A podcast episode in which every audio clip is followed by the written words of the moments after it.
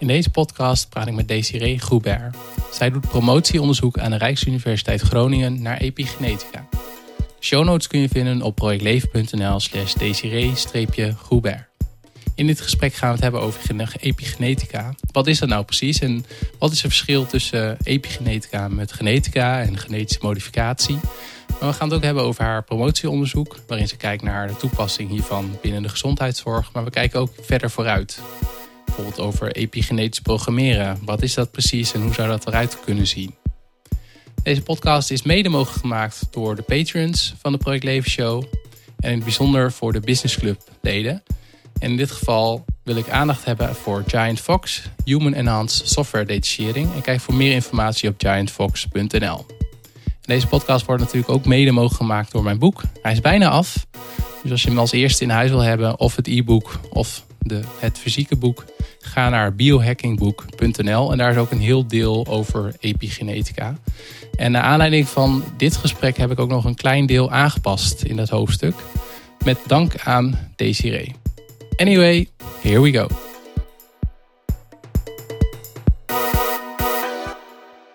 Vandaag uh, welkom in de show, Desiree. Dankjewel. Wat, uh, jij doet hele interessant, heel interessant onderzoek naar epigenetica. Daar gaan we het zo meteen over hebben. Maar hoe stel je jezelf meestal voor op uh, feesten en partijen? Nou, gezien ik een Belgische dame ben die helemaal naar het noorden van Nederland verhuisd is, begin ik daar altijd mee. Dat ik helemaal uit België naar hier verhuisd ben. En dat is ook specifiek voor mijn onderzoek geweest. Dus echt om uh, die epigenetica te onderzoeken, ben ik naar hier gekomen. En nu ben ik werkende in het UMCG en probeer ik daar uh, ja, vooruitgang in te boeken. Ja, de luisteraars kunnen het niet zien, maar het valt me nu op dat je, je hebt oorbellen in de dubbele helix van het DNA. Ja, Toch? Ja, ja, klopt. klopt. Dus uh, de juweeltjes die ik aan heb, die heb ik van mijn vader gekregen over kerstmis. Omdat ik heel erg enthousiast ben over het onderzoek wat ik doe. En uh, ja, dat ook aan de buitenwereld wil laten zien hoe bijzonder DNA is. Ja, krijg je er veel opmerkingen over, of je oorbellen dan? Vooral als ik uh, lezingen of ja. interviews doe, dat het toch opvalt. Dus dat is wel heel leuk dat het ook aansluit bij mijn onderzoek. Ja, ja. ja. En waar is ooit die fascinatie ontstaan? Nou, die fascinatie is eigenlijk ontstaan in het middelbaar door mijn leerkracht biologie. Toen we de eerste keer epigenetica gingen bespreken. Uh, sorry, genetica gingen bespreken. Dus, dus dat het een code is die uit vier letters bestaat, die eigenlijk de basis is van ons hele zijn en die alle kenmerken die wij hebben bepalen. En dat vond ik ontzettend bijzonder, dat zulke kleine, minuscule lettertjes eigenlijk ons hele bestaan en ziekte en gezondheid reguleren. Dus dat vond ik ontzettend bijzonder en daar ben ik mij heel erg in gaan verdiepen. En ook ja, in de latere universitaire carrière ben ik eigenlijk alleen maar meer gefascineerd daardoor geraakt. Ja, dus uh, genetica is een soort van onze basiscode. We hebben 3 miljard basisparen in mijn hoofd als mens.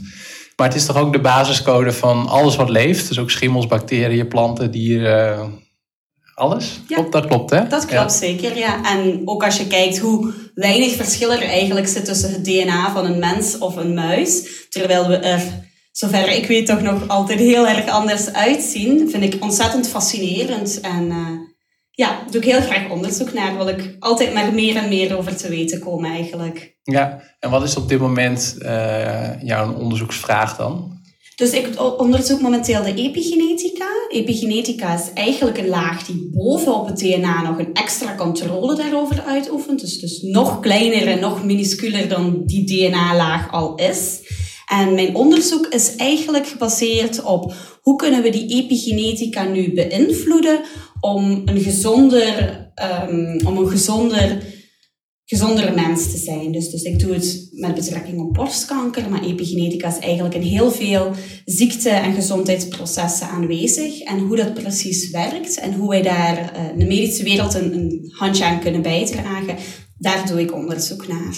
Ja, want uh, ook zoals ik het heb begrepen is epigenetica, epi betekent ook op of boven het genoom. Dus ja. epi boven het genoom. Ja, klopt. Um, want is, dat, is epigenetica dan ook verantwoordelijk voor, want je begint met, uh, uh, met stamcellen, zeg maar.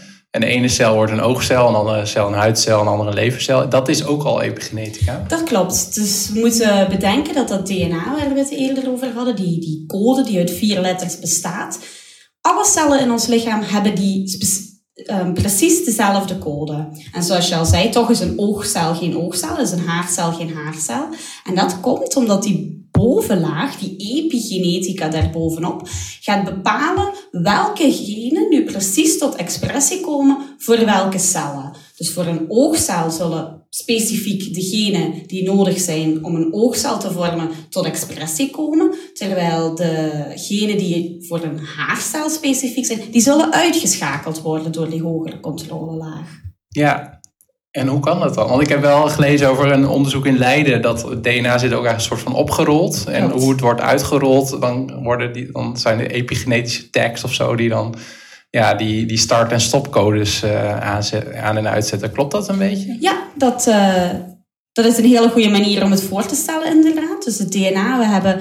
Uh, als, als je het zou vergelijken, ons DNA is 2 meter en dat moet in, rond een tennisbal vormen. Dus je kan je voorstellen dat om in onze cellen te passen, dat dat heel erg opgevouwen en opgerold moet zitten.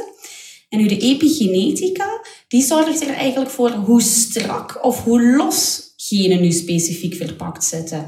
En genen die dus actief moeten zijn voor een bepaald celtype, die zijn heel los verpakt, waardoor ze makkelijker tot expressie kunnen komen. Terwijl genen die heel krap verpakt zitten, die heel strak opgerold zitten, die kunnen minder makkelijk tot expressie komen of zullen zelfs niet tot expressie komen. En dat proces wordt gereguleerd door de epigenetica. Ja, en um waarom eh, was er een bepaald moment dat je dacht van, ja, ik bedoel, in, als je, ik ben wel jaloers op jou, want wat je nu kan binnen zeg maar alle vorderingen in de biotechnologie, je had ook helemaal kunnen verliezen en verdiepen, wou ik zeggen. Ik zeg verliezen in genetica of CRISPR-Cas9 in genetische modificatie, maar jij hebt op een gegeven moment gekozen voor epigenetica, wat volgens mij nog, waar we nog minder van af weten ten opzichte van die andere twee domeinen. Ja, dat klopt. En dat is iets waar ik uh, eigenlijk heel blij om ben, omdat Gelijk ik al zei, die fascinatie voor genetica is zeker aanwezig. Die is ontstaan heel vroeg al in mijn middelbare carrière. Maar epigenetica is nog een kleinere laag. En voor de mensen die het zich nog herinneren, in 2002 werd voor de allereerste keer het, uh, het menselijk genoom volledig gesequenced. Dat wil zeggen dat alle genen die in het menselijke DNA geschreven stonden, die konden we lezen. En dat, dat zou de gouden graal zijn voor bepaalde ziekten. Nu is toen toch gebleken in 2002 dat, hoewel we ook wisten dat uh, wat voor genen voor welke ziekte zorgden, dat dat niet per se betekende dat alle ziekten gelijk opgelost werden. En dat er toch nog een extra laag bovenop zat, die ging reguleren welke genen aan of uitgeschakeld werden. En dat is dus die epigenetica, die inderdaad nog best een jonge onderzoekstak is. En daardoor is er nog heel veel wat erin te ontdekken valt. En wat ik, wat ik nog wel moeilijk vind, um, maar daarvoor voeren we dit ook gesprek. Ik zeg al heel vaak van, ik voer deze podcast gewoon omdat ik zelf wil weten hoe dingen in, in, elkaar zitten. Dus ik kan jou dat nu gewoon vragen. Want je zegt van, epigenetica is als ware de laag die bovenop het, op het genoom uh, zit. Maar wat, wat, wat, is, wat bevat die laag dan? Wat zijn dat moleculen of eiwitten of zo? Of is dat, ja, is dat iets anders? Uh, de epigenetica zijn eigenlijk chemische verbindingen, zoals methylgroepen, om het met een wetenschappelijke term te benoemen, die uit de omgeving ontstaan. Dus dat zijn chemische groepen die in ons lichaam al aanwezig zijn, maar die we ook door de omgeving in onszelf opnemen of uh, in meerdere mate of in mindere mate beïnvloeden. En die chemische moleculen die gaan eigenlijk daadwerkelijk aan het DNA binden en daardoor een proces in gang zetten van oftewel het activeren van dat gen en dus dan andere moleculaire mechanismen aantrekken om dat gen af te lezen. Oftewel, dat noemen we dus, dus de, de activerende epigenetische factoren. We hebben ook um, um, repressiefactoren of, of uh, chemische verbindingen die het DNA minder uh, beschikbaar maken voor die, genetisch, voor die expressie. En dat gaat er dus voor zorgen dat die genen uitgeschakeld zijn of minder tot expressie komen. Dus het is echt daadwerkelijk een chemische groep, een soort van verkeerslicht wat op het, op het gen gaat binden en daar bepaalt of het gen dan aangeschakeld of uitgeschakeld is. Ja, Maar klopt, ehm, klopt het ook dat het niet alleen dat het verkeerslicht ook op oranje kan staan? Dus dat het niet alleen aan of uit is, maar ook de mate waarin een gen tot expressie komt? Ja, absoluut. Dus het wordt ook soms door mijn bazin Marianne Rots genoemd als genen die heel hard staan te roepen en andere genen die staan te fluisteren. En dit is ook vaak het geval in ziekte en gezondheid. Dus het is nooit echt een zwart-wit beeld van het aan- of uitschakelen van genen, maar ook het te veel tot expressie komen of te weinig tot expressie komen, wat dan vaak tot een bepaald kenmerk gaat leiden. Ja, en klopt het ook, uh, ja, deze podcast, we springen van de hak op de tak. Ik hoop dat je dat niet erg vindt. Maar uh, kijk, er is nu in, uh, dan merk ik zelf ook als ik lezingen en presentaties geef, is er wel heel veel te doen rondom CRISPR-Cas9. Dus een methode om uh, je genen aan te passen. Maar eigenlijk is zeg maar de meest interessante vorm, als we dat ooit kunnen, is epigenetisch programmeren. Dus stel je voor dat als, als ik 50 ben, dat ik naar kliniek, kliniek ga en dat dan gewoon wordt gezegd van nou van die cellen gaan we, de genen gaan we even wat meer of minder uitzetten voor deze gezondheidsaspecten. En nou, misschien nog interessanter vind ik ook van kunnen we sommige dingen upgraden. Is dat een reëel toekomstbeeld dat we op een gegeven moment epigenetisch kunnen gaan programmeren? Absoluut, dat is zelfs waar ik mijn onderzoek over voer. Dus ik ben een epigenetische editor of een epigenetische programmeur. Dat is een, eh, zeg maar een heel normaal beroep in eh, uh, 2004. 30, maar nu nog. Eh, ja, nu nog heel fundamenteel in de onderzoeksfase, dat klopt. Eh, maar wij gebruiken evenzeer die CRISPR-Cas9-techniek met een kleine aanpassing. Dus het epigenetisch eh, sorry, het genetisch modificeren is daadwerkelijk die code die wij overerven van onze ouders veranderen en daardoor bepaalde genen genezen of inbrengen, modificeren, zoals je zelf al aanhaalt. Um, de modificatie die bij het epigenetisch editen of het epigenetisch programmeren bestaat, is dat die CRISPR-Cas9 gemodificeerd is en geen knip meer maakt. Dus we noemen het ook de CRISPR-D-Cas, de D van dead of doodkas. Dus de actie van het enzym zelf is uitgeschakeld, waardoor je dus geen genetische knips meer gaat maken, maar epigenetische enzymen kan shuttelen naar een bepaalde genomische locatie om daar hun werk te doen. Dus om daar genen te gaan aan- of uitschakelen. Dus het is een techniek die uh, eigenlijk al op de benen staat. Het langdurig programmeren van en welke, welke signalen er precies nodig zijn voor welk gen en in welke context, dat is iets wat nu heel actief nog onderzocht wordt. Ja, want uh, ik heb een paar podcastafleveringen geleden ook uh, Chris Verburg geïnterviewd. Die zei ook van ja, we hebben nu het genoom en we hebben het microbioom. En ik heb onlangs ook een podcast gehad over het connectoom. En dat zijn allemaal zeg maar dingen die je dan kan aflezen aan een menselijk lichaam.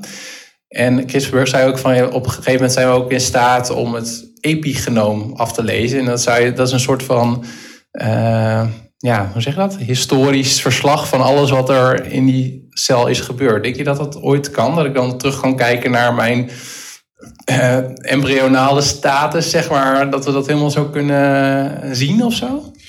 Dat is lastig om op te antwoorden, omdat de epigenetica, in tegenstelling tot de genetica, waar dus heel veel informatie in zit opgeslagen, ook van waar wij uiteindelijk uit ontstaan zijn, waardoor dat we ook heel veel overeenkomsten hebben met bepaalde uh, vroegere organismen, is de epigenetica iets heel flexibel en beïnvloedbaar. Dus alles wat wij elke dag in onze omgeving doen, uh, waar wij aan blootgesteld worden, heeft een effect op die epigenetica en dus ook op de expressie van onze genetica. Daardoor denk ik dat het moeilijk is om historische dingen terug te halen. Maar als we kijken naar welke invloed het heeft op de genexpressie, is het zeker iets wat onderzocht kan worden en wat ook al gebeurd is in bepaalde contexten. Ah, oké. En uh, kun je daar wat meer over vertellen? Of is dat, uh...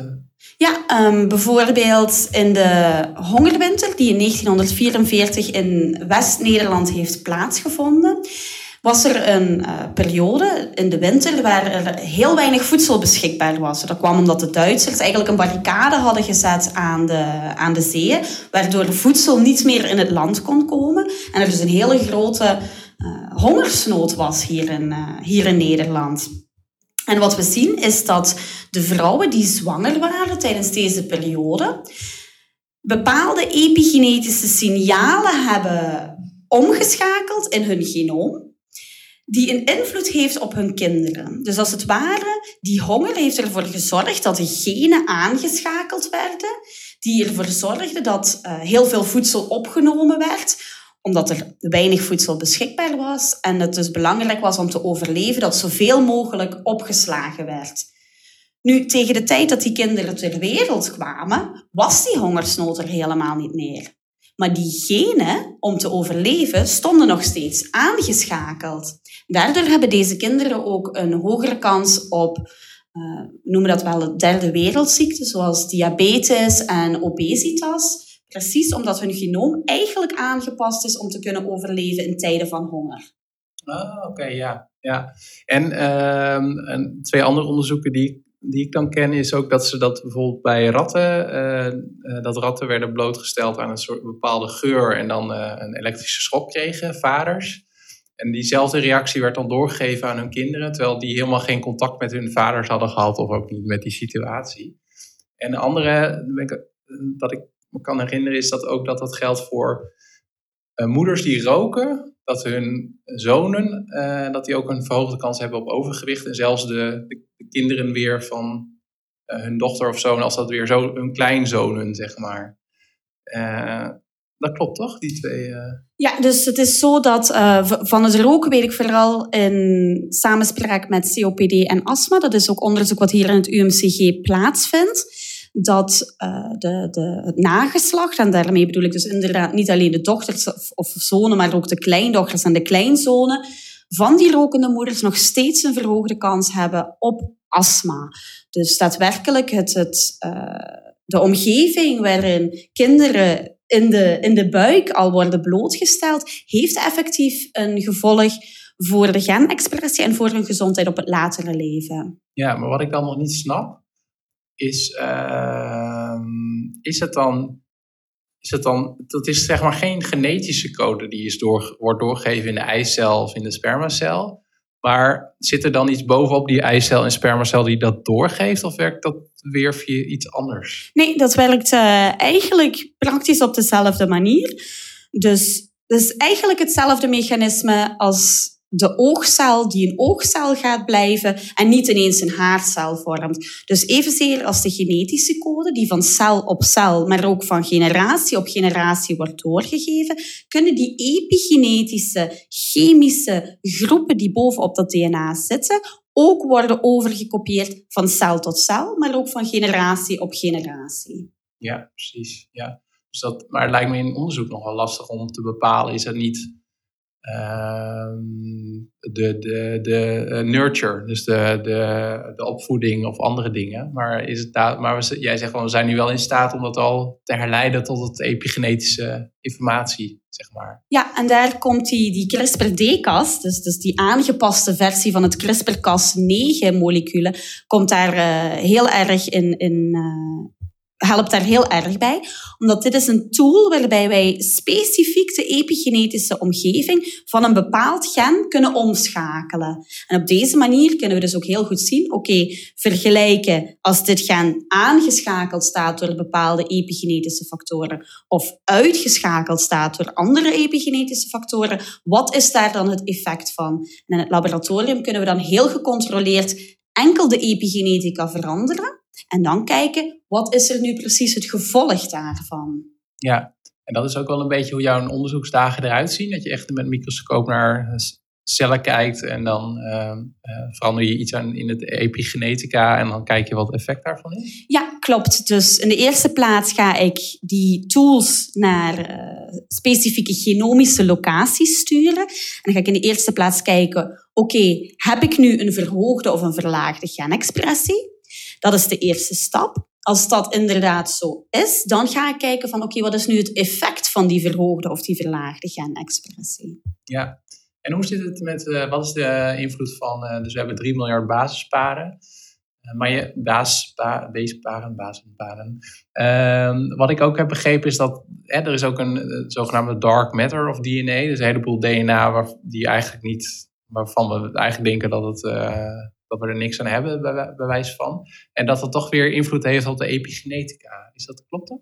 Ja, dat klopt zeker. Dus um, het, het nonsens-DNA, zoals dat wel eens genoemd wordt, is absoluut geen nonsens. Um, epigenetisch, sorry, genetisch wordt er uh, ook gecodeerd voor bepaalde enzymen die deze epigenetische, uh, epigenetische factoren produceren. Dus er is iets wat in ons lichaam vanzelf aanwezig is, is eh, DNA wat niet codeert voor specifieke genen, maar een invloed heeft op die chemische epigenetische moleculen die aanwezig zijn in ons lichaam en op die manier eigenlijk onrechtstreeks een controle heeft op onze genexpressie. Ja, dus als wij zeggen van joh, eh, we kunnen dat gewoon uh, wieberen, dan, dat zou niet, dan zou je niet dezelfde mens krijgen, zeg maar. Nee, nee dat klopt. Ja. Ik heb uh, vorige week in onze, we hebben elke maandag hebben we hier een lezing waarbij PhD-studenten, promovendi uit het UMCG hun onderzoek voorstellen. En afgelopen maandag was er zo'n presentatie waarbij heel mooi uitgelegd werd dat als we kijken naar de coderende genen, dat die eigenlijk niet per se uh, in grotere mate aanwezig zijn bij complexere organismen. Dus het is niet zo omdat wij als mens een complexer organisme zijn, dat wij meer coderende uh, genen of meer coderend DNA aanwezig hebben dan bijvoorbeeld de apen of de muizen. Ja, dat is wel apart, hè? Ja, grappig. Ja, en als je dan kijkt naar die epigenetica, die heeft eigenlijk een, een uh, rechtstijgende lijn. Dus hoe complexer het organisme, hoe meer niet-coderend DNA er aanwezig is. Dus dat geeft toch echt wel aan dat die hogere vorm van controle ook een hogere complexiteit met zich meebrengt. Dus we zijn mens vanwege onze genetica, maar ook vooral vanwege onze epigenetica. Absoluut, ja. ja. En nu, uh, ik weet niet hoe dat in, in, uh, dat? in jouw veld naar hem wordt gekeken, maar een van de meest vooraanstaande figuren hierin is Bruce Lipton die heeft ook een boek geschreven, The Biology of Belief, waarin hij zover gaat van. Ehm, we kunnen zelfs met onze gedachten uh, epigenetisch, uh, heeft dat epigenetische uh, werking. hoe, hoe kijk jij daar tegenaan? Ja, ik vind het een heel interessant persoon. En hij heeft ook een hele, hele leuke manier van dingen uitleggen. En ook op een heel toegankelijke manier. Dus in dat opzicht is hij wel een beetje een, een, een guru in, in ons veld. en kijk ik heel erg naar hem op. Ik denk uh, dat de epigenetica sowieso iets is, zoals ik al eerder heb aangegeven, wat heel beïnvloedbaar en heel flexibel is. Maar het feit dat hij um, over het, het uh, met je gedachten wat uh, invloed hebben op die genen, heeft volgens mij alsnog een biologische achtergrond. Dus ik kan mij heel goed voorstellen dat wat hij zegt klopt. Maar dat dat toch ergens, bijvoorbeeld als wij positief denken, dat dat ergens een, een hormoon in ons lichaam aanmaakt, wat dan een effect heeft op die epigenetica. Dus in die zin klopt het wel, maar denk ik dat het een onrechtstreekse um, relatie is. En dat het niet zozeer de gedachten direct op ons DNA zijn, maar dat daar wel een daadwerkelijk biologisch proces uh, aan de gronden ligt, zeg maar. Ja, ja want hij, hij, een van de voorbeelden die hij ook gaf was bijvoorbeeld het placebo-effect. En dat dat niet uh, inderdaad de kracht van je hersenen zijn, maar dat dat via je hersenen inderdaad een biologisch, chemisch effect heeft, wat dan weer een, uh, ja, ook weer kan helpen. Of een nocebo-effect weer juist niet kan helpen. Ja, ja absoluut. Ja, ja. En wat doe je zelf? Ben je, doordat je dit onderzoek doet, ook zelf bewust bezig met, met, met dingen in je leefstijl? Ja, absoluut. Dus het feit Um, healthy aging is uh, een hippe trend. Zeker in de, in de westerse wereld is dat iets wat meer en meer uh, aan de aandacht komt. En dat is maar goed ook, want epigenetica is eigenlijk de moleculaire verklaring daarvoor. Dus we weten allemaal al heel lang dat gezond eten, niet roken, voldoende bewegen, dat dat enorm belangrijk is voor onze gezondheid. Maar nu is het dus ook daadwerkelijk aangetoond dat deze positieve factoren, zoals gezond eten en veel sporten, daadwerkelijk een verandering in onze genen kan teweeg brengen, waardoor we gezonder zijn. En dat geeft onszelf toch een hele grote controle over, over onze eigen gezondheid. Dus ik probeer zeker genoeg te eten, ehm, niet te veel te drinken en, uh, en voldoende te bewegen. Is toch wel heel erg belangrijk. Ja, ja. ja, en dan woon je in Groningen waar de kroegen geen uh, sluitingstijd hebben. Dus dat uh, genoeg drinken, of niet genoeg drinken, dat, uh, nou ja, moet je natuurlijk ook alcoholvrij bestellen. Dat klopt, dat klopt. Af en toe een oogje toepitsen en ook aan de, de geestelijke gezondheid ja. denken van het sociaal leven is toch ook belangrijk. Ja, zeker. Ja. Ja. En hoe um, verschilt het ook per kenmerk hoeveel invloed je dan hebt met epigenetica. Want ik, ik kan in mijn leefstijl aanpassen wat ik wil, maar ik, heb geen, ik krijg geen andere kleur van mijn ogen bijvoorbeeld. En ja, hoe, uh, hoe zit dat? Ja, dat klopt. Dus de basis, de epigenetica, is een controlelaag over de genen. De genen is nog altijd iets wat wij overerven van onze ouders. En hier geef ik heel vaak het voorbeeld van roken. Je kan, uh, wat, wat ook vaak door de, door de mensen gegeven wordt, van ja, mijn grootvader die rookte een pakje per dag en die is altijd gezond gebleven. Nou, die grootvader zal waarschijnlijk het geluk gehad hebben dat in zijn genetica, dus in dat DNA, geen vooraanliggende ziekte van bijvoorbeeld longkanker geschreven was. Dus bij wijze van spreken, die epigenetische factoren die het longkankergen zouden aanschakelen, die hebben helemaal geen gen om aan te schakelen dan. Terwijl iemand die het longkankergen wel in zijn DNA geschreven heeft, waarbij het wel aanwezig is, daarbij gaat het roken actief zorgen voor een activering van dat gen, waardoor deze persoon wel een hogere kans heeft op longkanker. Terwijl als die persoon niet zou roken, het gen ook niet aangeschakeld blijft, waardoor diezelfde persoon dan geen longkanker zou krijgen. Dus het is inderdaad altijd een samenwerking tussen die nature en nurture, zoals wel al onbekend is. Ja, precies. Dus het, en uh, daarvan denk ik ook nog, genen hebben ook nog wel eens invloed op elkaar natuurlijk. Ja, absoluut. Dus ook het, het aanwezig zijn van die epigenetische chemische uh, moleculen in ons lichaam is ook iets wat genetisch gecodeerd wordt en voor een deel uit de omgeving opgenomen wordt. Dus als jij bijvoorbeeld een bepaalde epigenetische uh, groep vanuit je DNA niet genoeg aanmaakt, dan zal je extra voorzichtig moeten zijn dat je uit de omgeving genoeg van deze groep gaat opnemen. Dus begrijp ik jou nou goed dat, dat, uh, dat je genetisch zeg maar ook weer epigenetica maakt of zo? En dat weer invloed heeft op de genetica. Oh, jeetje. Ja, dat klopt. dus het is een hele, een hele wisselwerking tussen de omgeving en de genen. En dat maakt het ook net zo spannend om het, uh, om het te onderzoeken en om te kijken van oké, hoe kunnen wij zelf als persoon daar een positieve invloed op hebben? En als we dat niet kunnen door onze levensstijl, hoe kunnen we dan vanuit de medische wereld een handje bijstaan om toch alsnog voor een gezond genoom te zorgen? Ja, ja. Maar zoiets als het perfecte genoom bestaat niet, hè? Toch? Of denk je dat dat wel uh, kan? Ik denk dat het genoom of, of de mens als zich, de, de, de biologie die ons maakt tot wie we zijn, altijd wel een omweg zal vinden ook. Het is ook zo, eh, heel vaak komt de vraag van, ja, er gaat zoveel geld uit naar kankeronderzoek elk jaar. Hoe kan het dan dat er nog steeds geen oplossing voor kanker is gevonden? En wat, wat, wat heel vaak vergeten wordt, is dat dit soort ziekten een hele complexe samenwerking zijn van inderdaad die genen. En zelfs als we een, een genetisch plaatje volledig in beeld gebracht hebben, het lichaam een omweg kan vinden om alsnog bepaalde tumoren te doen groeien. Dus uh, het is een heel complex gegeven. Maar uh, beetje bij beetje komen we wel altijd vooruit. We zijn ondertussen van een levensverwachting van 30, 40 jaar naar ondertussen 70, 80 jaar gegaan. Dus in dat opzicht denk ik dat de medische wereld enorm vooruit gegaan is. Maar er is meer dan genoeg ruimte voor meer verbetering. Ja, ja want over borstkanker gesproken is een uh, bekend voorbeeld wat ik vaak aanhaal als ik zelf lezingen en presentaties geef. Uh, Angelina Jolie. Die kwam er dus achter dat zij. Uh, dus ik heb zelf ook een, een DNA-test gedaan kwam ik bijvoorbeeld achter dat ik een verhoogde kans heb op ontwikkelen van bepaalde hart- en vaataandoeningen. Nou, dat komt bij de, mannelijke lijn in mijn familie voor, uh, voor.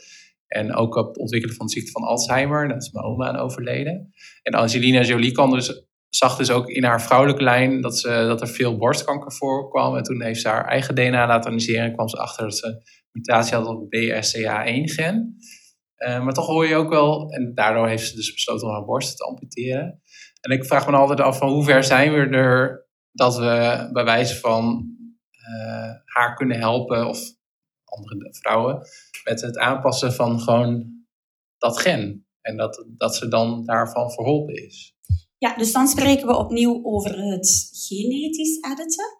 En dat, dat is een onderzoek wat elke dag heel erg erop vooruit gaat. De eerste klinische trials, dus dat wil zeggen het echt uittesten op mensen, die zijn ook al lopende.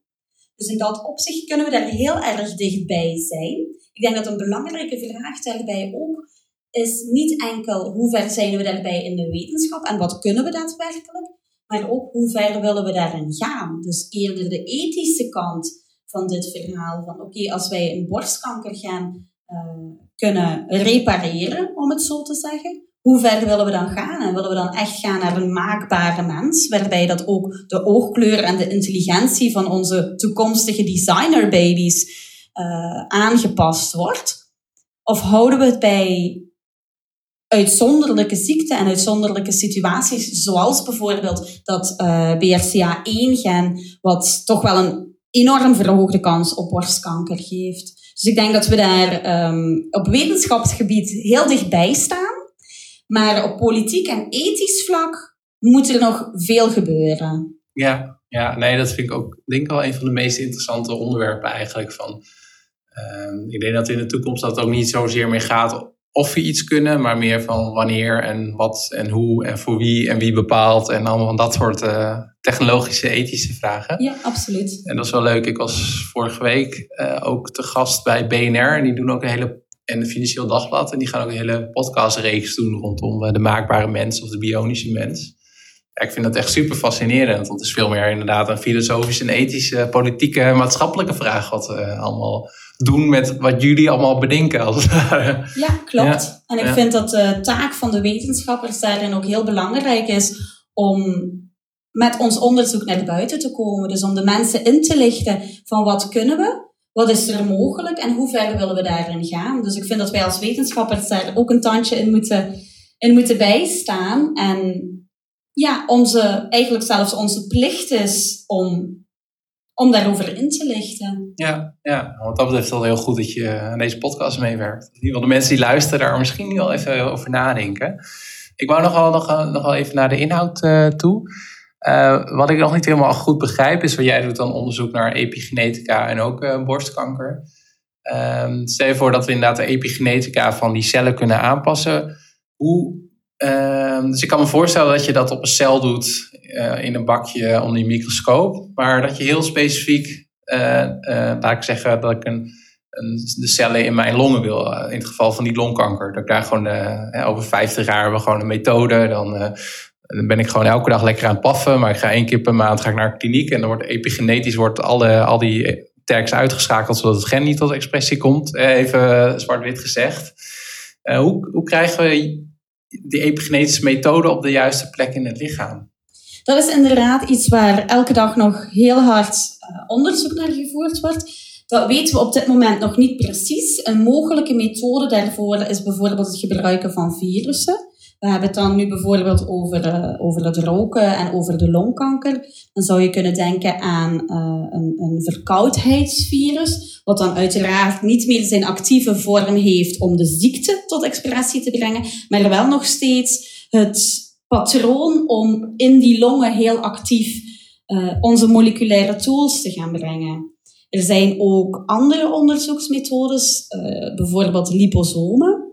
Uh, het is een, uh, aflevermethode die heel specifiek in bepaalde organen zou onze tools kunnen gaan, uh, gaan afleveren. Maar dat is inderdaad iets wat als het uiteindelijk in de kliniek terechtkomt, nog heel veel onderzoek nodig heeft. En wat ook een hele belangrijke onderzoeksvraag is. Zodat we inderdaad zorgen dat de tools doen wat ze moeten doen op de juiste plek. En niet elders een ander probleem gaan veroorzaken, bijvoorbeeld. Ja, daar moest ik net aan denken. Stel je voor dat je inderdaad een epigenetisch uh, geladen virus naar mijn longen stuurt, maar dat hij dan per ongeluk bij mijn hart komt en dat hij daar dan iets in werking zet wat eigenlijk niet de bedoeling was. Ja, dus in dit opzicht is de epigenetica ook genspecifiek. Dus je kan je voorstellen als we het dan opnieuw over dat longkanker gaan hebben, ook niet iets is wat in je hart of in je nieren of in je hersenen tot expressie komt. Als we het dan hebben over meer algemeen tot expressie komende genen, is die aflevermethode inderdaad nog iets wat uh, enorm belangrijk is en waar heel veel onderzoek nog nodig is. Ja, want is het dan zo dat je. Uh, misschien is dat een te specialistische vraag, maar ik stel hem wel die epigenetische processen, is dat dan, stel je voor dat dat in het geval van die longen van mij, uh, is dat dan iets wat ik gewoon één keer even uitzet en dan is het klaar? Of gaan genen om de zoveel tijd, heb, moet je ze weer opnieuw zeg maar inprogrammeren of zo? Dan ga ik weer op een hele wetenschappelijke manier op antwoorden. En dat is nog steeds iets waar eh, heel veel onderzoek naar gebeurt. Maar het is inderdaad wel het doel dat we naar een one-and-done approach gaan. Daarmee bedoelen we één keer behandelen, die epigenetica omschakelen en op deze manier een langdurige aan- of uitschakeling van de genexpressie uh, verwezenlijken. Maar daar zijn we nog niet. Nee, precies. Nee, nee. Dat wel een mooie term, one, uh, one and done. One and done, One yes. and done, ja. En kun je zeggen hoeveel uh, procent van de eigenschappen van ons als mens dat is genetisch bepaald en hoeveel niet? Of is dat heel moeilijk? Dat zeggen? vind ik een heel moeilijke vraag, omdat het er ook van afhangt hoe je het opnieuw bekijkt. Die epigenetische markeringen worden ook weer genetisch gecodeerd. Dus noem je dat dan een epigenetisch proces of een genetisch proces? Ook een beetje de vraag van het kip en het ei. Van wat uh, kwam er nu eerst? Werden eerst die genetische, epigenetische markeringen gecodeerd? Of zijn het daadwerkelijk die epigenetische coderingen die de genexpressie veranderd hebben? Dus dat, uh, daar kan ik helaas niet op antwoorden. Maar ik weet wel dat het uh, voor de meeste ziekten altijd een samenwerking is tussen de genetica en de epigenetica. Voor de meeste ziekten. Ja, en wat ook nog wel interessant is, is een voorbeeld wat ik las, dat je. Het ging over schoolkinderen, geloof ik. En dan. Dat zeg ik helemaal verkeerd. Maar het ging er ook over dat je. Uh, dat, wat jij net noemde, van zeg maar dat sprongetje van genetica bepaalt ook de epigenetica die weer invloed heeft op de genetica. Dat is ook voor nature en nurture geldt. Dus je genet, genetisch gezien heb je ook weer bepaald gedrag, wat ervoor zorgt dat je ook je, beïnvloed, je omgeving beïnvloedt. En die beïnvloede omgeving beïnvloedt het jezelf weer. Dus het is ook wel heel moeilijk om nou oorzaak en gevolg zeg maar, van elkaar te scheiden. Ja, absoluut. En zo zijn er ook heel interessante tweelingenstudies bijvoorbeeld, die wetenschappelijk gezien heel interessant zijn. Omdat als je identieke tweelingen hebt, die hebben precies hetzelfde DNA. En daar zie je ook hoe sterk die omgeving of die epigenetica nu daadwerkelijk op niet alleen onze gezondheid, maar ook op ons uiterlijk is. Dus bijvoorbeeld een tweeling met precies hetzelfde DNA, waarvan één set heel erg gezond leeft en de andere set uh, niet zo gezond en rokende is en niet zoveel sport. Die gaan er op een bepaalde leeftijd ook gewoon heel erg anders uitzien. En dat toont aan hoe belangrijk die omgeving toch ook wel is. En dat is iets waar, um, waar de wetenschap nog niet zo lang achter is. Dus echt iets waarvan men dacht, oké, die genetica, dat is de gouden graal. Dat is waarin alles gecodeerd staat. En als we dat ontcijferd hebben, dan weten we alles en hebben we alle oplossingen. Dat blijkt toch niet zo te zijn. Net omdat die omgeving ook zo'n belangrijke rol speelt. En denk je dat dat ook nog mogelijk is met epigenetica? Want ik heb, ik heb soms wel eens de indruk dat, inderdaad, wat jij zegt toen. Uh, ik heb er ook wat boeken over gelezen toen het, uh, ook het Human Genome Project klaar was. Dacht van, nou, nu zijn we klaar, bewijs van. En toen kwam we achter, oh nee, shit, we wisten toch nog een stukje dat het. Denk je dat het ook nog kan gelden voor epigenetica? Dat als we daar meer over weten, dat er nog een derde laag uh, komt of zo?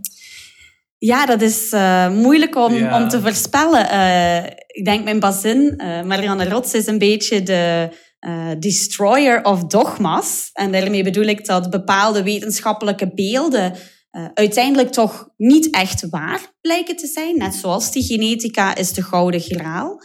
En ik denk dat we heel erg voorzichtig moeten zijn en ons en, en moeten beseffen dat elke wetenschappelijke vooruitgang over tien jaar er misschien weer heel anders gaat uitzien. En dit is ook heel erg afhankelijk van de technieken natuurlijk. Wat wij vandaag kunnen meten, uh, is niet wat we 50 jaar geleden kunnen meten. En is ook niet wat we over 50 jaar dan weer kunnen gaan meten. Dus ik denk dat er altijd wel meer te ontdekken valt. En uh, beware of the dogma's.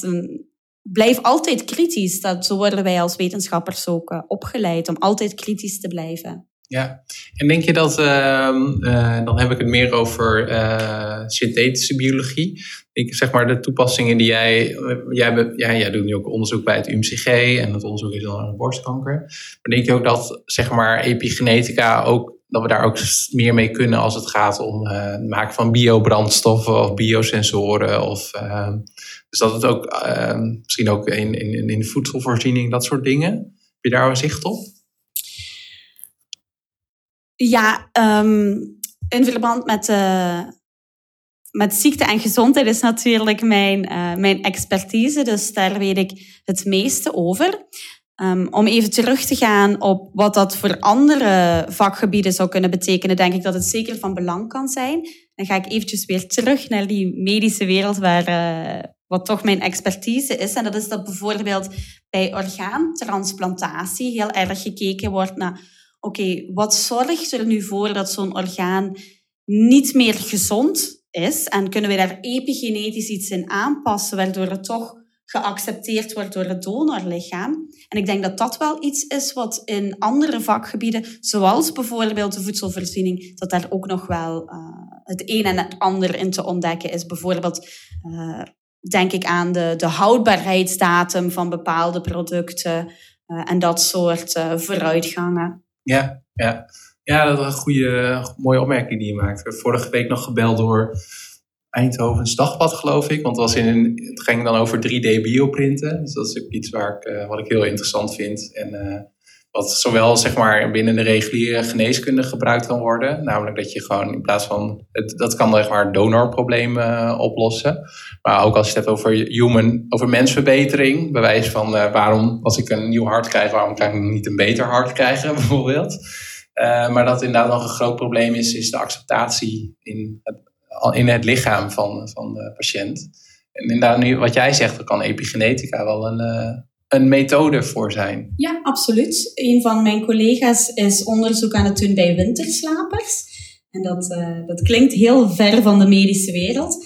Maar als je bedenkt dat winterslapers gedurende hun slaap eigenlijk op een hele effectieve manier hun organen en hun, uh, hun zijn bewaren, terwijl ze geen voeding opnemen, terwijl ze niet aan zonlicht worden blootgesteld, dat die alsnog op een heel efficiënte manier overleven, is zij aan het kijken van oké, die processen, die epigenetische veranderingen die daarin plaatsvinden, kunnen we die ook gebruiken op bijvoorbeeld orgaantransplantatie. Ja, precies ja. Ja, en ik zit gelijk weer heel futuristisch te denken van, uh, het is niet interessant voor NASA als je denkt over lange ja. space travels waar je dan ook uh, gaat uh, in een soort van winterslaap komt. Ja, ja absoluut. ja, ja. En gebruik jij in je onderzoek ook ehm, principes van andere technologieën, dus nanotechnologie, kunstmatige intelligentie, dat soort dingen?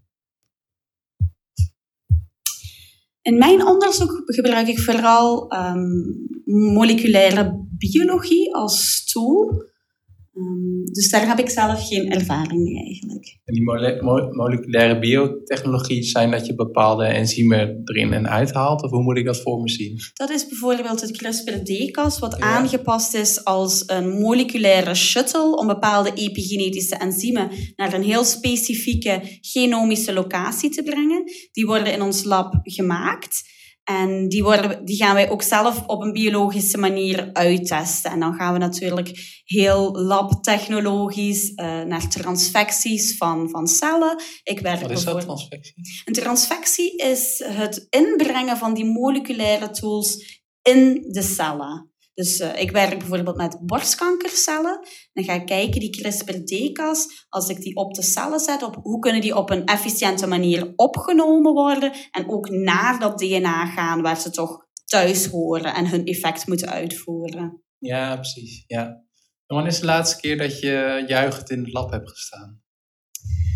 De laatste keer dat ik juichend in het lab heb gestaan, Dat is momenteel eigenlijk al een tijdje geleden, omdat de wetenschap ook iets is wat met vallen en opstaan gebeurt. Maar um, bijvoorbeeld als wij transfecties doen, dus als wij moleculaire tools in onze cellen gaan brengen, doen wij ook altijd een controle meevoeren. En die controle bestaat uit een groen fluorescent proteïne. En als onze methode dus lukt, dan schijnen onze cellen heel mooi groen onder de microscoop. Dus de laatste keer dat ik juichend in het lab heb gestaan, was toen mijn celletjes heel mooi groen schenen. Want dat wil zeggen dat mijn tools op een efficiënte manier door de cel zijn opgenomen. En dan kan je naar de tweede stap gaan van hebben die tools dan ook daadwerkelijk een invloed uitgeoefend op de genexpressie. Ja. En uh, denk je dat we, als we het hebben zeg maar, over de toekomst van jouw uh, onderzoeksgebied, uh, we hebben het al gehad over epigenetisch programmeren. Denk je dat we ook ooit, zoals we nu, dat we bewijzen met onze smartphone of een ander apparaat thuis het epigenoom van een groep cellen kunnen meten? aflezen? Dat vind ik moeilijk om, om te beantwoorden, omdat de epigenetische meettoestellen, om het zo te zeggen, dat zijn nu nog heel erg uh, lab-bound techniques. Dus, dus technieken die vooral in de laboratorium gebruikt worden, waarbij een sterke expertise nodig is. Dus waarbij je echt iemand uh, met labkennis en met uh, praktische skills nodig hebt. Um, maar wie weet, eh, er zijn zoveel vooruitgangen dat, dat het wel goed kan zijn dat we binnenkort een, met een bloedprikje kunnen kijken hoe ons epigenetisch profiel eruit ziet. Ik denk dat we daar momenteel nog wel ver van afzitten. Dat we eerst heel goed moeten onderzoeken hoe kunnen we nu op de beste manier die epigenetische factoren meten, maar ook wat betekenen ze nu, betekenen ze nu net. Want dat is ook natuurlijk een gevaar als je, um, gelijk bijvoorbeeld je zei dat, uh, dat jij jouw genetisch profiel op een gegeven moment hebt laten screenen, wat nu best commercieel heel wijd beschikbaar is. Maar wat doen we met die informatie? En ik denk, zolang we in het lab nog geen hard en duidelijk antwoord daarop hebben, moeten we het ook in het lab gaan houden. En moeten we eerst in de klinische wereld, in de, in de medische wereld gaan kijken van wat kunnen we hiermee bereiken voordat we thuis ook gaan meten en onze conclusies daaruit trekken. Heb jij je eigen DNA laten analyseren? Nog niet. En ik weet zelf ook nog niet of dat iets is wat ik wil. Um, maar het is wel iets wat absoluut mogelijk is. Hè? Het, het um, heeft tegenwoordig maar een, uh, een spuugje nodig en je kan al je DNA laten analyseren. Maar net omdat dat maar één zijde van de, van de uh, coin is, vind ik dat toch een beetje een gevaarlijke techniek. En ook wat er met die informatie gebeurt, privacy-wise, is toch um, een, dunne, een dunne lijn, zeg maar. Glad ijs, om het zo te zeggen. Wat zijn, wat zijn jouw afwegingen op dit moment? Weet dan niet helemaal wat je er echt mee kan en uh, wat gebeurt er met de data? Ja, en ook uh, wil ik het wel weten. Want bijvoorbeeld een hoger risico op, laten we het weer hebben, op die, op die longkanker. Want wil daarom niet per se zeggen dat ik al dan niet longkanker ga krijgen. Maar misschien wel iets de volgende keer als ik een verkoudheid heb, dat ik denk van, oh nee, zijn mijn longen nu uh, uh, onderweg naar het ontwikkelen van kanker. En ik denk dat die zorg eigenlijk helemaal niet nodig is. Mm, ja, ja, hoe heet dat ook weer? Hypochonder? Daar is ook een woord voor inderdaad. Hè? Dat je denkt uh, bij een kuchje dat, dat, er, dat je al iets mankeert. Ja, klopt. En als het dan in jouw genen geschreven staat, dan kan dat misschien wel voor extra onnodige zorgen zorgen. Ja. ja, wat ik wel interessant vind, dat nemen we op het UMCG. Dus een aantal lijntjes die in mijn hoofd samenkomen. Um, ook over die privacy. Ik kom zo meteen op de link met UMCG, maar ik gaf vorige week ook een lezing bij, uh, was ik wel heel bijzonder, de Boston Consulting Groep. Echt uh, high-end uh, consultants. Was al, ik wou er vroeger als student wel naartoe, maar ik was niet slim genoeg om het zo maar te zeggen. Dus ik vond het heel tof om daar een lezing te houden. En toen had ik het ook over um, mijn eigen DNA, een test die ik heb gedaan. En toen kreeg ik ook een vraag van het andere deel van het verhaal, dat ik zei van nou, in de toekomst wordt privacy de, iets voor de rijken ook onder meer de privacy van je uh, genoom. Dat George Church, een van de, uh, of Craig Venter, nee, George Church, een van de pioniers ook van het Human Genome Project, die is, start een heleboel bedrijven. Maar een van de bedrijven die hij is gestart is Nebula Genomics, waarin je dus je DNA, toegang tot je DNA op de blockchain kan zetten en dan je data kan verkopen of aan onderzoeksinstellingen ter beschikking kan stellen. Dat deed me denken ook omdat het UCG opnemen dat ik hier ook een, blockchain hackathon heb meegedaan. dus heel veel dingen ook aan nadenken zijn. Hoe kunnen we die data nou uh, gebruiken? Maar ik heb een heel lang verhaal, maar ik kom op een punt. Dat uh, ik heb mijn uh, DNA laten analyseren bij 23andMe. Maar dat is een deel eigendom van Google. En later realiseerde ik me dat pas. Van ja, Google weet al best wel veel van mij. En wat als ze dat nou nog combineren met mijn DNA? Dus, ja. Ja, dat is zeker iets waar we ons bewust van moeten zijn en waar we voorzichtig mee moeten omgaan. Ik vind het ook een slippery slope, om het zo te zeggen, naar um, het, het uh, beschikbaar stellen van deze informatie voor onderzoeken. Ik heb zelf ook een blog geschreven over de privacy van, uh, van je DNA, van je, van je genetische informatie, om het zo te zeggen. En we delen al heel veel. Hè. We hebben Facebook en wanneer we naar de gym gaan of wanneer we uh, iets lekker koken en wat we koken met een foto erbij. Onze locatie wordt bijgehouden door Google. Dat weten we en dat zijn we eigenlijk uh, wel on, in, in bepaalde mate zijn we ons daar wel bewust van, maar zien we daar ook het kwaad niet van in. Terwijl als we dan naar onderzoeksdoeleinden gaan kijken en het beschikbaar stellen van bijvoorbeeld die genetische en die epigenetische informatie van onderzoek, wordt er wel heel vaak aarzelend uh, over gesproken of, of doet dat toch een belletje rinkelen bij, bij de mensen van zouden we dat wel doen en wat voor gevolgen heeft het dan? Dus ik vind het een heel positief gebeuren dat die conversatie geopend wordt. Maar inderdaad, um, we spreken over Google, maar ook bijvoorbeeld zorgmaatschappijen. Wat kunnen die eventueel met die genetische en die epigenetische informatie doen? En als wij dan een hoog risico hebben op in onze genen, maar we leven wel heel gezond, moeten we dan alsnog meer gaan betalen voor onze zorgverzekering bijvoorbeeld. Dus dat zijn toch allemaal dingen die door de, door de wetgeving en um, door het publiek nog heel erg uh, vaag zijn en waar dringend nood is aan regulatie. Ja, en wat doe jij, uh, hoe sta je daar zelf in? Want je noemde net al, we hadden het al een beetje over human enhancement, mensverbetering en het gebruik van uh, um, uh, technologie om jezelf te verbeteren. En soms gaat het mis. ik noem mezelf biohacker, maar dat zijn echte biohackers die CRISPR-Cas op zichzelf proberen. En er is laatst nog één overleden. die had, dat, had niks met, met biotechnologie te maken, maar alles met een floating tank en harddrugs. Maar dat is weer een ander verhaal. Hoe, uh, ja, hoe, hoe, kijk je daar zelf tegenaan?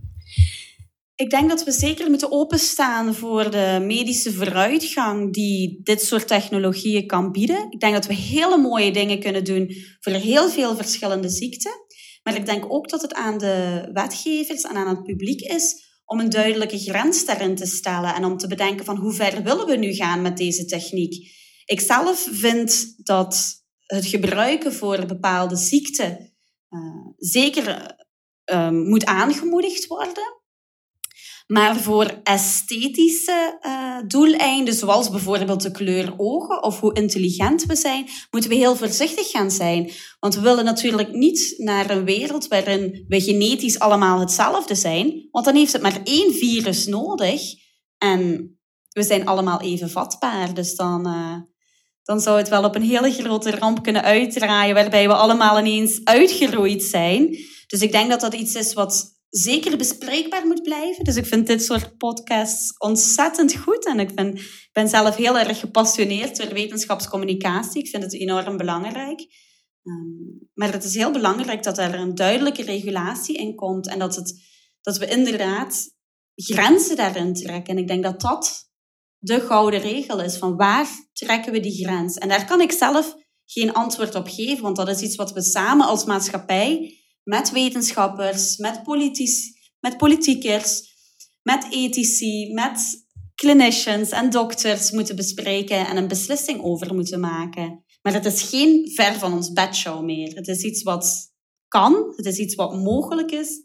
En het is alleen maar positief dat we erover over spreken en een conversatie erover hebben. Ja, want je noemde dat al, wetenschapscommunicatie is even jouw interesses. Ook eentje van mijn, een van mijn vorige podcastgasten, Nina Bongaert. Wat, uh, waarom vind je het zo tof? Ik vind het gewoon ontzettend leuk om wetenschap aan de mens uit te leggen. En ik denk dat er heel veel wetenschappers ontzettend briljante ideeën hebben, maar die heel veel moeilijkheden hebben met het op een eenvoudige en begrijpbare, maar ook een aantrekkelijke manier naar de buitenwereld te brengen. En dat is iets wat ik net heel leuk vind en waar ik in de toekomst ook heel graag wetenschappers mee wil helpen om hun briljante ideeën en hun onderzoeken ook daadwerkelijk naar buiten te brengen. Want uiteindelijk heeft de wetenschap die hier in de laboratorium van dag tot dag plaatsvindt, uiteindelijk een invloed op ons leven en op het leven van jou, mij, van mijn grootmoeder en zo verder en zo voort. Dus ik vind het alleen maar belangrijk en juist dat het ook naar de buitenwereld verkondigd wordt. En irriteer je soms wel eens aan de, um, laat ik zeggen, aan de commerciële claims die worden gemaakt? Om je een voorbeeld te geven, dus wat je rondom genetica ziet, is uh, toen dat wat bekender werd, kreeg je op een gegeven moment dat je kon daten op basis van je genen, uh, leiderschapsontwikkeling op basis van genen, sport op basis van je genen, alles kon op basis van genen. En ik zie dezelfde trend, zie ik nu een beetje ook uh, rondom epigenetica. Dus wordt door sommige um, ja, laat ik zeggen, gezondheidscoaches wordt epigenetica genoemd als van nou, je moet inderdaad dit soort voeding eten of dit soort dingen doen, want dat heeft deze invloed op epigenetica. Is dat iets waarvan je denkt van hé, hey, dat is tof, want dat wordt de naam bekender en gaan mensen zich erin interesseren? Of denk je van hé, hey, eh, mensen, de term wordt ook wel eens onterecht gebruikt? Ik vind het eigenlijk een positieve trend dat epigenetica in het dagelijks leven, dus bij die gezondheidscoaches, en uh, zelfs om, om andere commerciële doeleinden gebruikt wordt. Ik denk dat het alleen heel belangrijk is dat iedereen er met een kritische blik naar kijkt. Want het wordt ook heel vaak um, in, uh, in de media um, op een onterechte manier ge gebruikt. En ik denk dat wij als wetenschappers daar een belangrijke rol in spelen. Dus dat wij ervoor zorgen dat ons onderzoek ook op een juiste manier vertaald wordt naar de buitenwereld.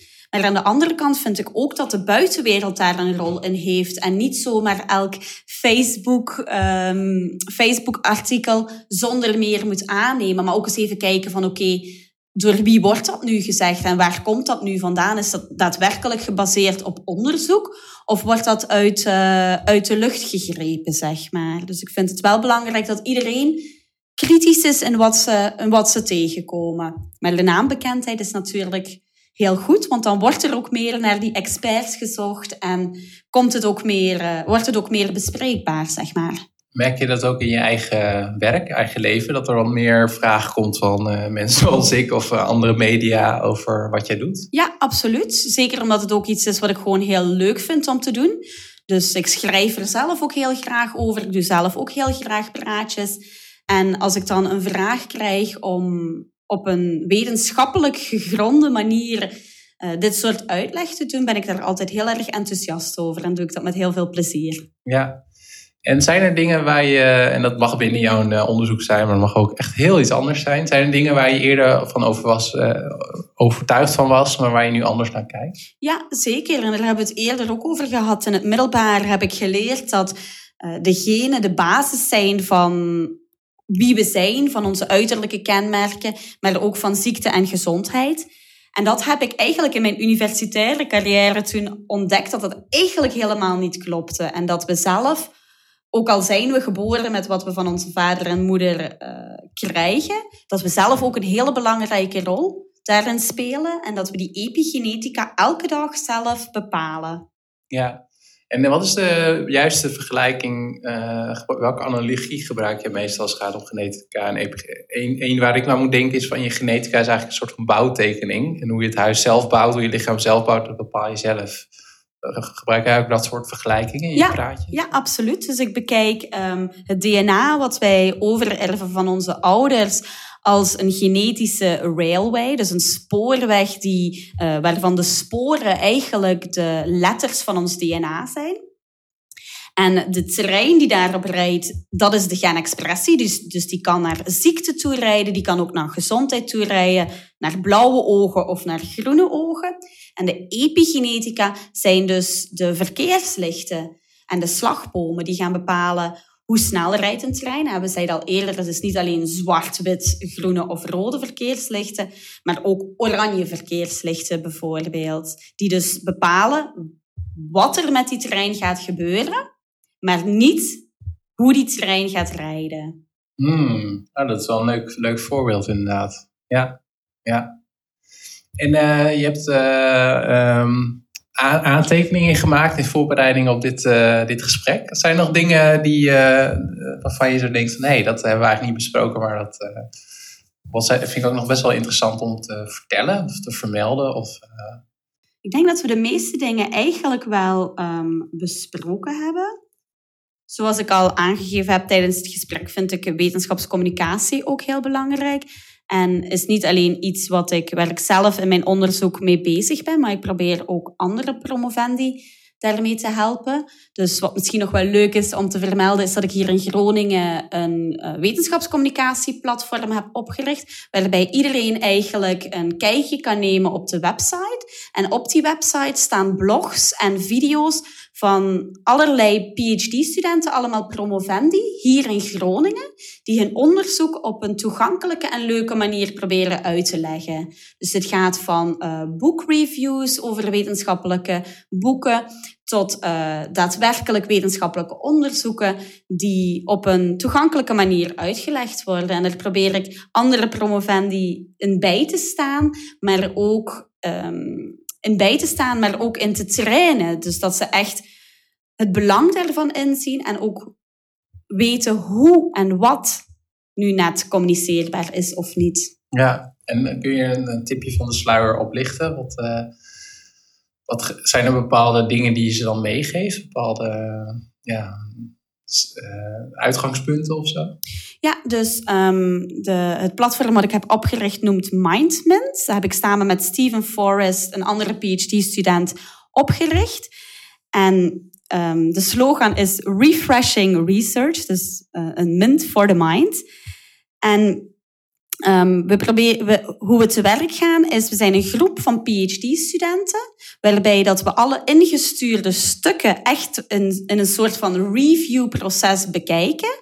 En dus met minstens twee andere PhD-studenten kijken, hoe wordt, het, hoe wordt het onderzoek nu gecommuniceerd? We proberen dan ook PhD-studenten te nemen uit andere vakgebieden dan de PhD-student die het onderzoek wil communiceren, zodat we als wij het begrijpen als buitenstaander, dat het ook begrijpelijk is voor het grote publiek. En op die manier proberen we ja, leuke stukjes te schrijven en teweeg te brengen die iedereen kan lezen. Ja, ja ik denk dat het ook nog wel uh, uh, uitmaakt inderdaad van... Ik denk dat sommige mensen zich gewoon vertrouwder voelen met schrijven... en anderen misschien meer podcasten... en sommigen misschien ook met video's, anderen met lezingen. Maar dat, ja, met al deze middelen die we tegenwoordig hebben... kun je natuurlijk heel veel kanten op. Ja. Ja, dat klopt. En ik denk hoe meer wetenschappers het belang ervan inzien en zichzelf ook daarin gaan trainen, hoe beter onze onderzoeken ook vertaald kunnen worden. En zoals ik eerder al zei, het zijn